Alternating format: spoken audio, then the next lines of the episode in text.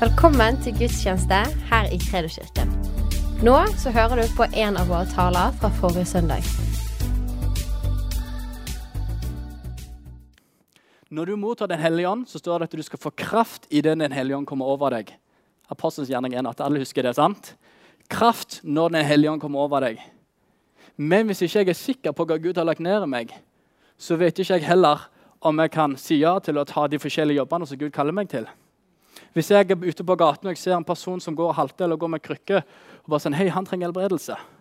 Hvis jeg ikke er sikker på at Gud har lagt den kraften inni meg, så kan ikke jeg si ja, jeg kan gå og fikse den jobben.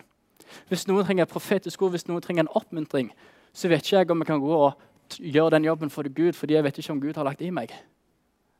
Så noe av det vi trenger for å faktisk kunne være mer effektive i Guds rike, det er å forstå hva som er lagt på innsiden. Ok? Og en av de måtene å skifte livet vårt, det er å bruke tungen vår. Jeg skal snakke litt nå om dette med kraften i tungen. Så hvis vi først åpner opp til uh, ordspråkene, kapittel 3, vers 1-3 Jeg har fått sånn norsk bibel med, med, register, så jeg har egentlig ikke peiling hvordan jeg bruker register. Så hvis det tar litt tid, så er det bare derfor. For jeg har egentlig en annen bibel. Men ordspråkene 1, 3, vers 1-3 står det. Min sønn, glem ikke min lære, og la ditt hjerte ta vare på mine bud. For mange levedager og et langt liv og fred skal de gi deg i tillegg. Gi ikke slipp på barmhjertighet og sannhet. Bind den rundt din hals og skriv den på ditt hjertes tavle. Så her sier Salomo ok, ikke glem Guds nåde, ikke glem Guds ord, men bind det rundt halsen din og skriv det på din hjertes tavle. Ser vi det? Ok, Er det noen som vet hvordan du skriver ting på hjertet ditt? Hvordan skriver du ting på ditt hjertes tavle? Er det ingen som har hatt det på søndagsskolen? Nei, det hadde ikke jeg heller. Kanskje det bør vært en del av kurrikulumet. Salme 45, vers 2 sier Mitt hjerte flyter over av et godt budskap. Jeg fremfører mitt verk om kongen. Min tunge er en hurtigskrivers penn. På engelsk står det My tongue is a pen ready to write. Det vil si at ordene våre, tungen vår, blir beskrevet som en penn. Og når du taler med munnen, så er det noe som skriver ting på hjertet ditt. Ok, Var det lett å forstå? Ja, så bra. Ordspråkene 821 sier at død og liv er i tungens kraft, og den, den, som elsker det, skal spise det eller skal høste av det. De ordene vi taler, de er enten liv eller død. Du kan enten tale til oppbyggelse, eller du kan tale til nedrivning eller knusing. eller vet ikke hva du, hva du kaller det. Men hvis Bibelen sier at alle ordene vi taler, er enten liv eller død, og ikke noe mellomrom, tror du da det hadde vært litt viktig å passe på hva ord vi faktisk sier? Når Gud skapte himmel og jorden, så brukte han ord. Når Jesus helbreda, så brukte han ord. Sant? Guds ord er levende aktivt. Sant? Det er kraft i tungen, det er kraft i ordene vi bruker. Og alle ting du snakker, vil enten bringe liv eller død. Med mindre det er sarkasme. Det står i neste vers. Nei, det gjør ikke det. Det var sarkasme for de som lurte. Noen ganger er det lett å tenke at ja, ja, men har ikke så mye å si med hva ord jeg bruker. Jeg kan tulle litt sånn og jeg kan si litt sånne ting, liksom, og så, så har ikke det så mye å si. Nei, men vet du hva? Bibelen sier faktisk det har litt å si. Så for meg kan tenke at ok, ja, men jeg bare tuller litt med han. Sant? Alle skjønner det tull, liksom, men ingen vet hva som skjer på innsiden med han. Sant? Du vet ikke om din sarkasme om det påvirker han veldig negativt eller ikke. Sant? Du vet ikke om eh, noe du sa positivt, plutselig får han den personen sin dag. Sant? og både mer enn det sant? så er det faktisk helbredelse i de ordene vi taler. Ordspråkene fire snakker om at Guds ord er legemet til hele vår kropp, til hele vår sjel. Og at når vi taler ting, så kan det fysisk bringe liv. Det kan fysisk være med å skifte måten vi lever på. Det kan være med å skifte atmosfæren rundt oss med de ordene vi taler. Som går til Jakobs brev.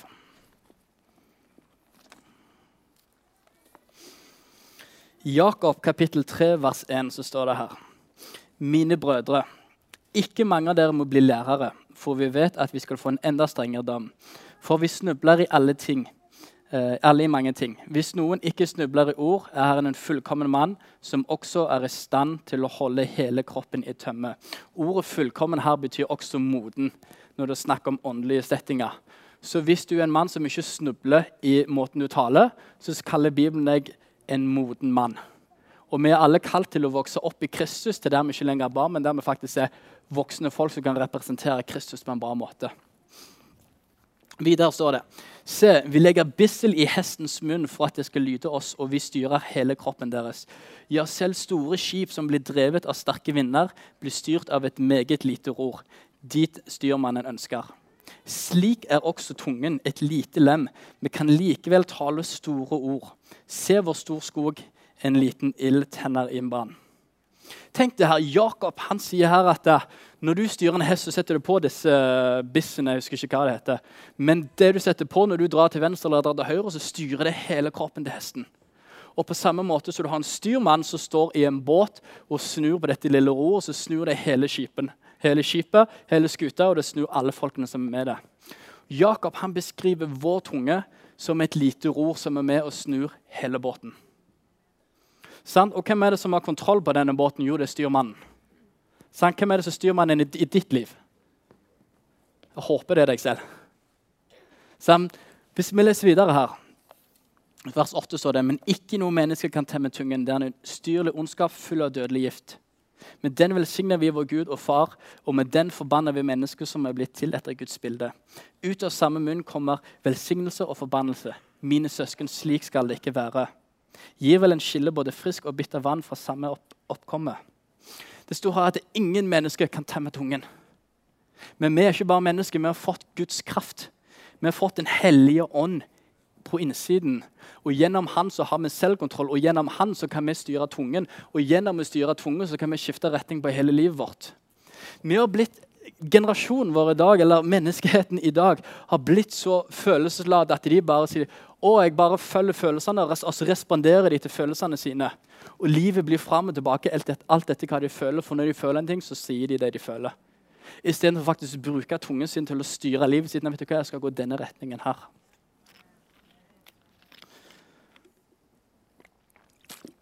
Gir dette mening? Så bra. Så bra. Tungen vår er så ekstremt viktig. Den er så ekstremt sentral del i vårt åndelige liv. Hvis ikke vi lærer oss å kontrollere tungen vår, så vil vi ikke se veldig mye framgang i livet vårt. Tenk på det her. Hvor mange har sagt jeg har veldig lyst til å lære å spille instrument, men jeg har ikke tålmodighet? Hva sier du da? Du taler ut, du skriver for hjertet ditt 'jeg er ikke tålmodig'. Ja, men Førstekorintene sier at det er kjærlighet at er tålmodig. Sant? Romerne 5 sier at Guds kjærlighet har blitt øst ut i hjertet ditt. Hvis du har Guds kjærlighet, så har du tålmodighet. Sant? Det er lagt på innsiden din. Men hvis du taler noe annet, så slipper du ikke dette ut. Sant? Tenk på en annen ting. Jeg skal utfordre noen her. Hvis, ordene våre er enten liv eller død, og det med faktisk med å skifte retningen og måten vi lever kristenlivet vårt på Tror du ikke Satan ville gått etter måten vi snakker på, for å prøve å begrense oss mest mulig? Ja? Tenk på måten mennesker generelt beskriver, skal beskrive ting. Å, det er sykt. Sykt bra. Når ble sykdom bra? Dødsbra. Det er sinnssykt. Hvorfor er alle tingene vi bruker på å beskrive noe, negativt lada? Hvorfor har vi kommet til der at vi skal, når vi skal beskrive noe bra, så må det først starte med død?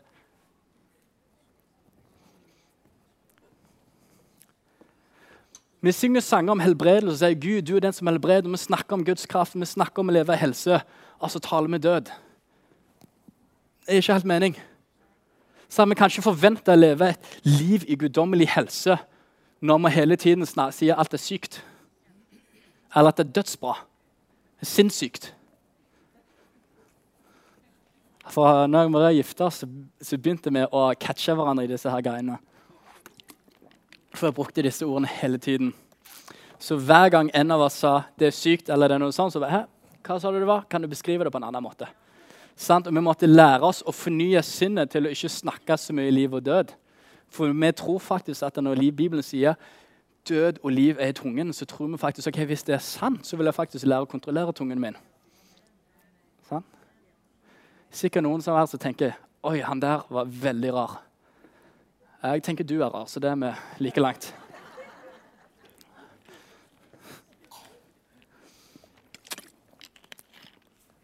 Jakob sier det. Styrmannen styrer skuten, og han kan styre den akkurat som han vil. De, mange av de som har sett uh, typisk kjørefilmer Paris Caribbean, så jeg da var liten.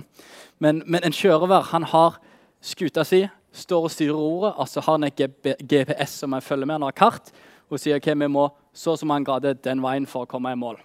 Alle, alle skjønner det bildet, sant? Jeg søkte opp noe som er veldig interessant. Uh, jeg søkte opp hvor mye feil kan du komme hvis du flyr et fly og har en retning, men så har du et kompass som er én grad feil. Så fant jeg ut her Hvis du flyr eh, 100 meter, så vil du bomme på målet med 1,7 meter. Hvis du flyr 1 km med 1 grad feil på GPS-en din, så vil du bomme med 17 meter. Hvis du flyr rundt ekvator, altså flyr rundt jordkloden, noen som tør gjette hvor mye du bommer målet med? 80,46 mil. Så tenk deg den lille, lille graden som er så mye over lengre tid så skifter det hele kursen din, og du kommer aldri til å finne fram til der du originalt hadde tenkt deg å reise. Så tenk deg at Når vi er styrmannen på skuta vår, sant? og vi, vår mål er å vokse opp i Kristus til å bli lik han, til å manifestere Guds rike, til å se alle folk vi ber for bli helbredet, til å kunne profetere, forkynne evangeliet Hvis det er målet vårt, til å si der har jeg lyst til å komme, og for å komme der så må jeg holde denne kursen. Og Hvis kursen min da er én grad av, Ti år seinere, hvor har jeg endt opp da? Jeg har endt opp et helt annet sted. Og hvis det er tungen vår som er med å styre denne kursen, er det ikke da veldig viktig at vi er bevisste på måten vi snakker på? At vi er bevisste på de tingene vi sier? For uh, tre år siden tror jeg det er nå, flytta jeg til Malaysia. Jeg bodde der som misjonær i, i ett år. Eh, åtte måneder. Og eh, Gud lærte meg veldig masse på den tiden om det å stole på Guds løfte her i Bibelen. Og Jeg har vokst opp i, i, i statskirken, der uh, de har på skjermen 'Nå skal du stå opp, nå skal du sette deg', og alle disse tingene. Og Det er sang, og det er show og hei, liksom, og ingen smiler, og ingen klapper. Det er fullt liv, fullt trøkk, liksom, og Helligånden er skikkelig der. Og jeg hadde blitt opplært en veldig religiøs måte å be på. liksom At ja, ja, vi må, vi må, vi må be sånn og vi må be sånn. liksom og Når du ber Fader vår, så, så, ber du for alle mennesker i hele verden. Og da har du egentlig bedt alt, så da trenger du ikke be mer, for da er alle problemer fiksa. For da har du bedt Fader vår. Um, når, men når jeg kom til Malaysia, da, så begynte jeg virkelig å, å, bli kjent med Gud på en annen måte. For jeg var helt alene, hadde ingen andre der.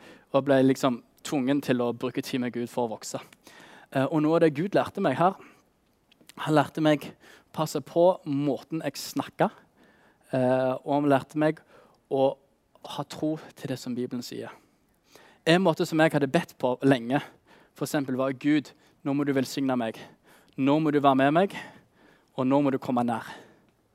Sammen så lærte jeg, og så leste jeg Efeserne 1,3 sier at velsignet være Herren vår Gud, som har velsignet oss med all himmelsk velsignelse.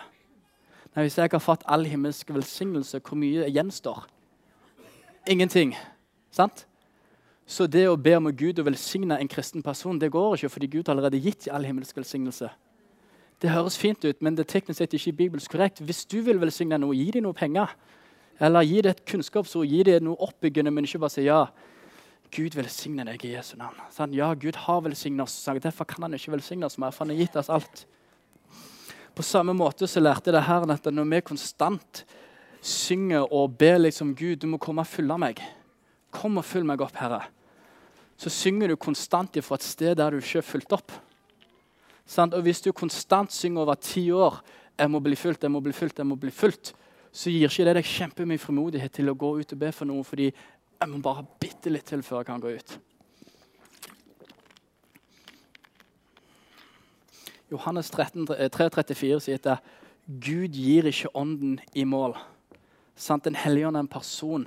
Når du får Den hellige ånd, så får du alt. Når jeg gifta meg med Maria, så fikk jeg hele Maria. Det var ikke sånn at jeg fikk uh, halve kongeriket og, og, halve Maria. Jeg fikk hele Maria og en uh, startet å bygge meg opp i kongeriket. Nei da. Uh, men jeg fikk hele Maria. sant? Fikk Maria som en person, men gjennom ekteskapet så kan jeg fortsatt bli bedre kjent med Maria. Men jeg kan ikke få mer av Maria. På samme måte så har du fått Den hellige ånd, du har fått Guds kraft, men du kan ikke få mer av det. Det handler mer om å lære hva Gud har lagt ned i deg. Det kommer gjennom en relasjon der vi sier ok, Gud, jeg har alt, du har gitt meg alt. Lær meg å bruke dette. Vis meg hva du har gitt meg. Som går til Kolosserne 2,9. Se.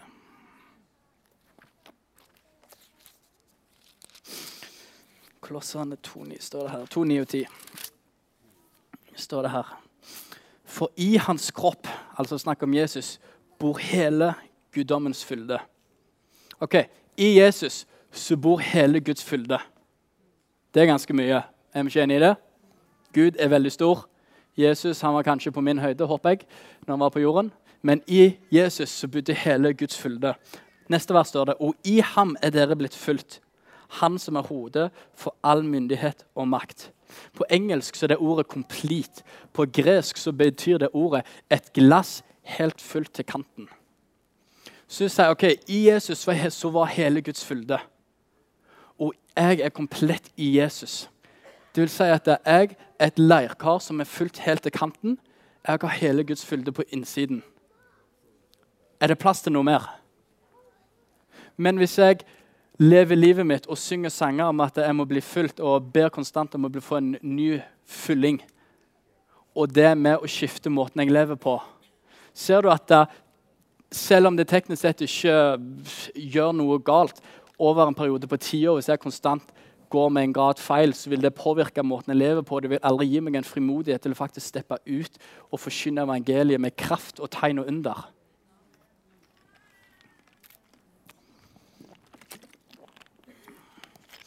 Men altså, Martin, hva med Apostelens gjerninger 3? Der ble jo alle fulgt med Den hellige ånd på ny. Ble de det? Vi lese litt? Så går jeg til Apostelens gjerninger 3. Vers 1 står det Peter og Johannes gikk sammen opp til tempelet ved bønnens time den niende timen. Ok, Peter og Johannes de er på vei til tempelet for å be. Kan vi se Det Det er den niende timen. Det er klokken tre. Ok, Så de var på vei, de hadde ikke bedt ennå, de hadde ikke blitt fulgt opp med ånden, som jeg, som jeg kaller det ofte. Det ble båret fram en mann som hadde vært lam fra mors liv. Han la det hver dag på den tempelporten som kalles Den fagre, for at han skulle be om barmhjertighetsgaver fra den som gikk inn i tempelet. Da han så at Peter og Johannes skulle til å gå inn i tempelet, ba han om en barmhjertighetsgave. Sammen med Johannes festet Peter blikket sitt på ham og sa, 'Se på oss.' Han stirret oppmerksom på dem og ventet å få noe av dem. Her som allerede Peter han gjør feil nummer én når han skal forkynne til folk. For da kan vi si lukk øynene og se på Jesus. Og så holder du hendene ut sånn. Det er sånn du mottar av Gud. Sånn, mens Peter sier hva? Se på oss. Peter visste hva Gud hadde lagt ned på innsiden. Peter visste hva kraft han var bærer av.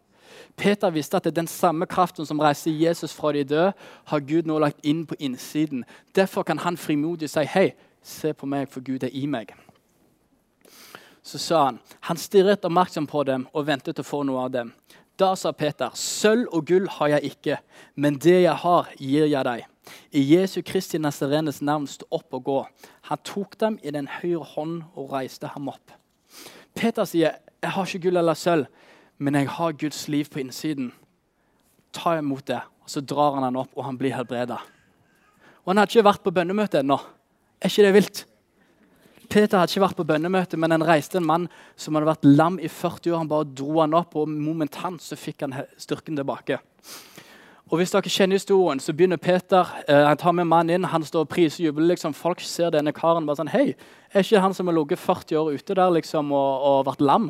Og folk, jo, det ligner sånn, men eh, de er ikke sikre.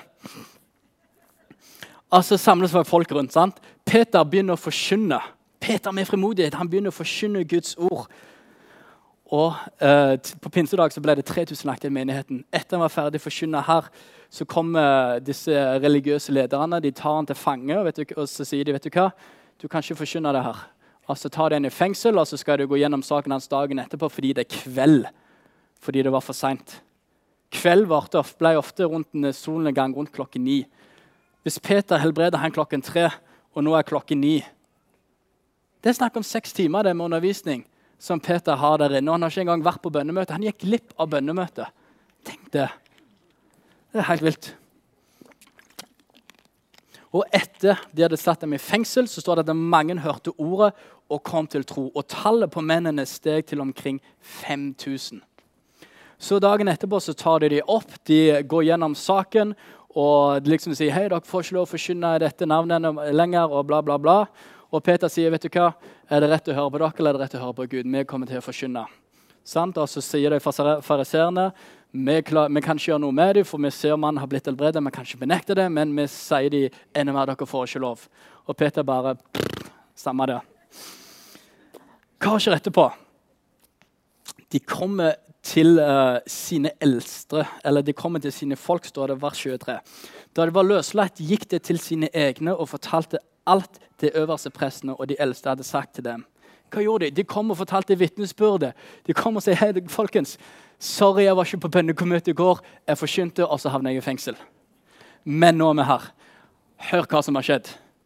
Og så står det da de hørte dette, hvem var de? Jo, det var de som fikk hørt vitnesbyrd. Det var de eldste, det var de folkene som var der som de møttes. Så står det løftet de samstemt sin røst til Gud og sa, Herre, du er Gud som har gjort himmelen og jorden og havet og alt som er i dem. Du som ved din tjener Davids munn har sagt, hvorfor raste folkeslagene, og hvorfor planla folkene tomme ting? Jordens konger stilte seg opp, og fyrstene samlet seg sammen mot Herren og mot Hans Kristus. For i sannhet det samlet seg mot din hellige tjener Jesus, ham du salvet, både Herodes og Pontius Pilatus, sammen med hedningfolket og Israels folk, for å gjøre det din hånd og ditt råd på forhånd hadde bestemt skulle skje. Nå, Herre, legg merke til truslene deres og gi dine tjenere å tale ditt ord med all frimodighet idet i det du rekker din hånd ut til å helbrede, og at tegn og under skjer ved din hellige tjener Jesus navn. Da de hadde bedt, skal stedet hvor det var samlet, og de ble alle fylt med Den hellige ånd og talte Guds ord med frimodighet. Så hva er det som skjer? Jo, Peter og Johannes de kommer og de forteller vitnesbyrd og sier Hei, Se hva som har skjedd. Vi talte med frimodighet. Vi ble trua. Mannen ble helbreda. Tegn og under. Det var fantastisk. De kommer og sier det til menigheten. Menigheten sier vet du hva? det har vi lyst på. Gud, gi oss det som de er bærere av. Og så står det stedet rista, og de blir alle fulgt med Den hellige ånd. Men tenk på dette. Hvis man hadde hatt denne gjengen her borte og denne midterste seksjonen her, hvis dere var fullt av Den hellige ånd det stod jo Plutselig var det 5000 nye som var lagt til menigheten. Det står ingenting om at de var fulgt med Den hellige ånd. Så hvis dere er den originale menigheten fra pinsedagen, og her så sitter den nye 2000 som er blitt lagt til etter Peter forkynte Og nå blir alle fulgt med Den hellige ånd. Betyr det at dere blir fylt på ny, eller betyr det at nå er alle fulgt med Den hellige ånd?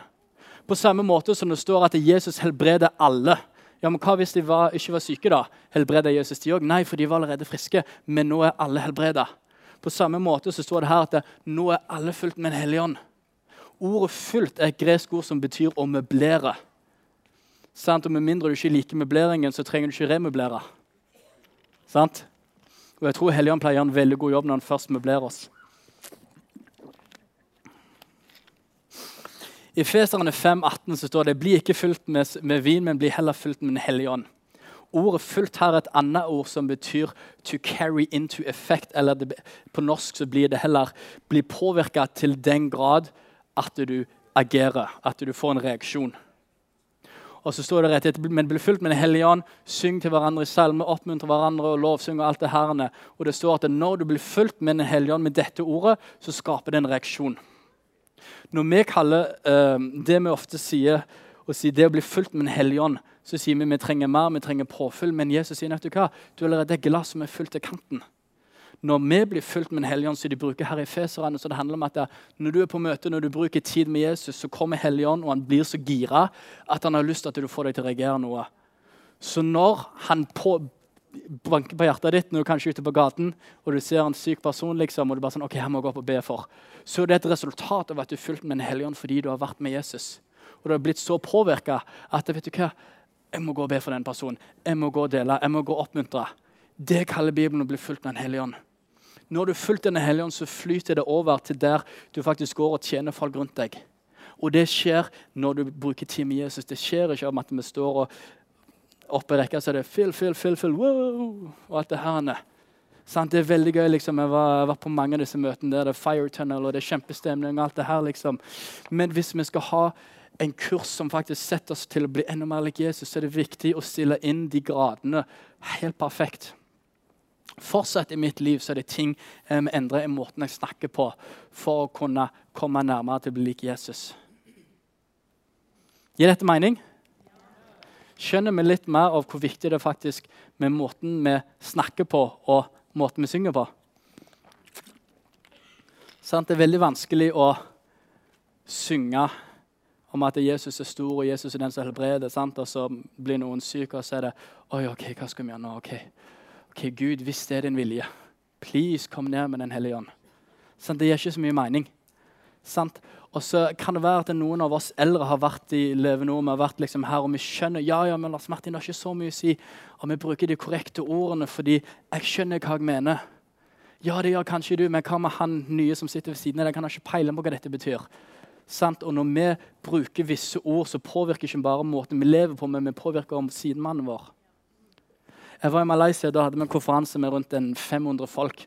Og Da var det en, en, en som begynte å profetere, og han kalte ut en dame fra, fra salen og sa vet du hva, jeg ser Gud gir deg en spesiell kraft. Han gir deg en nåde, han gir deg en salvelse til å helbrede syke. Du skal legge hånden på de syke, de skal bli helbredet, og masse sånne helbredelse og profetier. Kjempekult. Hun reiser seg opp, hun gråter liksom skikkelig sterkt. Merker Gud. Alle klapper. Hun går hjem, ser en syk person, legger hendene på dem, og de blir helbredet. Kjempekult. Problemet jeg hadde når vi gjør sånne ting, er at vi sier en person du har fått noe spesielt, men så sitter alle de 499 andre og tenker den personen fikk det, jeg har ikke fått det. Når Bibelen sier at disse tegn skal følge de som tror, de skal legge hendene på de syke, og de skal bli helbreda.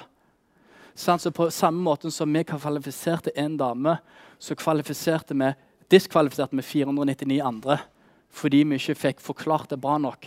Og Det kan ha veldig mye med kulturen og tankegangene og det du har vokst opp i. Jeg kan stå her og tale og bruke noen spesielle ord, så kan vi ha ti forskjellige teologier på hva det ene ordet betyr. Og du kan få veldig forskjellige eh, resultat ut av talen. Og jeg hvis dere ikke skjønt det, så jeg, jeg er mer en lærertype, så for meg så er det veldig viktig å faktisk bruke ordene rett.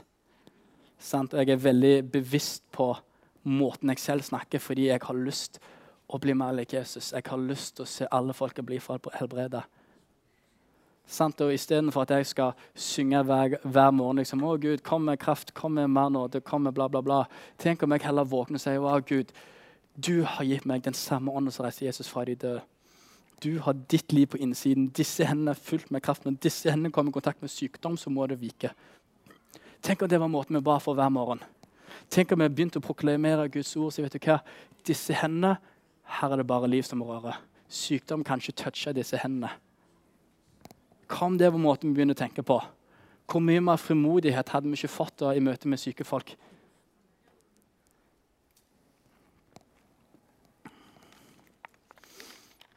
Jeg tror jeg har holdt på ganske lenge nå.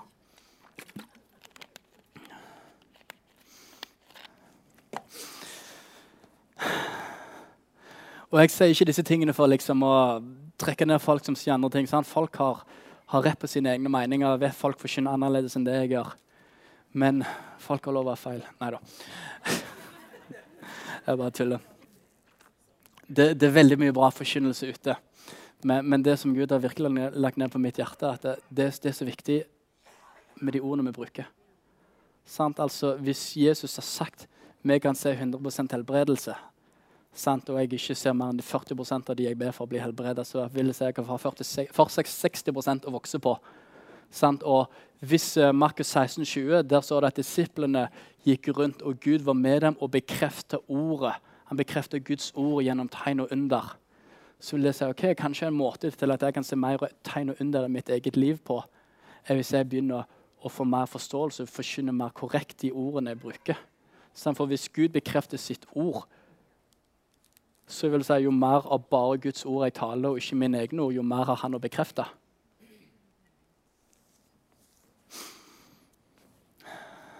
Jeg er ikke så veldig flink på sånn når nå skal fly inn for landing og sånne 1, 2, 3-taler. Men uh,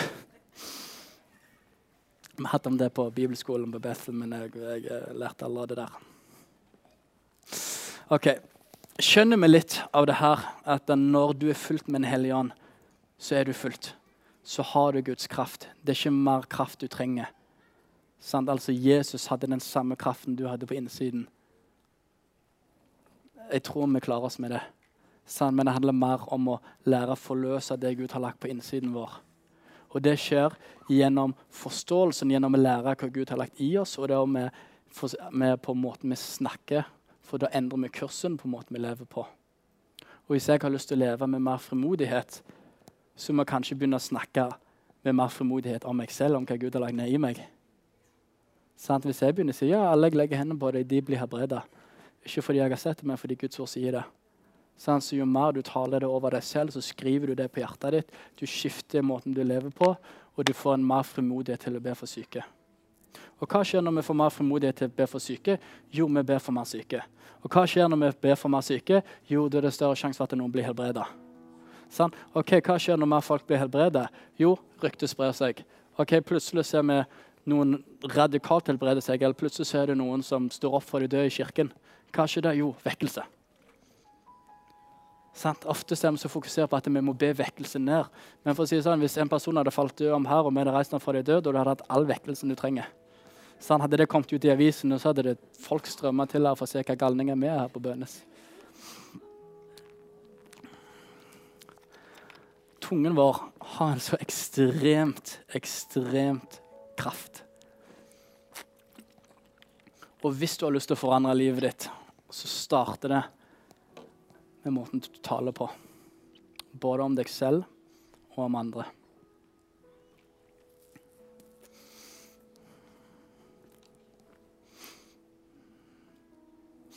Ok, Hvis vi tar og reiser oss opp, skal vi slutte av.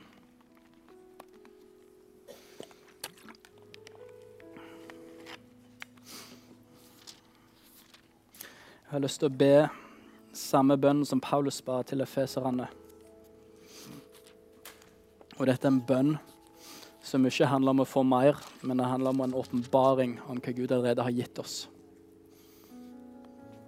Jo mer vi skjønner hva Gud har lagt i oss, jo mer gir det en frimodighet til å lyse enda mer på jobben. står det her. Etter, etter at jeg fikk høre om deres tro på Herren Jesus og om deres kjærlighet til alle de hellige, holder heller ikke jeg opp med å takke for dere og om å nevne dere i mine bønner. Jeg ber om at vår Herre Jesu Kristi Gud, herlighetens Far, må gi dere visdom og åpenbaringens ånd, så dere kan lære ham å kjenne. Og at deres forstands øyne blir opplyst, så dere kan forstå hvilket håp dere fikk ved hans kall, og hvor rik på herlighet hans arv er blant de hellige. Og forstå hvor overveldende stor hans kraft er for oss som tror, etter virkningen av hans mektige kraft. Den var det han lot virke i Kristus da han reiste ham opp fra de døde og satte ham ved sin høyre hånd i den himmelske verden, høyt over all myndighet og makt, kraft og herredømme, og over hvert navn som nevnes, ikke bare denne tidsalderen, men også i den kommende. Helligånd, jeg ber om en åpenbaring om hva du har lagt ned i oss, far. Dette er en åpenbaring som bare kommer gjennom å bruke tid med deg, far. Det kommer bare gjennom relasjon, Helligånd. Åpne øynene våre, gi oss en forståelse til hva du har lagt ned i oss, og lære oss å bruke det som er på innsiden, far. Og Helligånd, jeg ber om at du, du hjelper oss og catcher oss og tar oss hver gang vi taler ut sannheter om oss selv, eller løgner om oss selv og andre. Catch oss hver gang, far. Vi har lyst til å være et menneske som taler sannhet, for det er sannhet som setter fri, far. Vi har lyst til å tilbe deg i ånd og sannhet. Så i Jesu navn, takk, far, for at du har lagt ned oss alt vi noen gang kan trenge. Amen. Tusen takk for at du lyttet.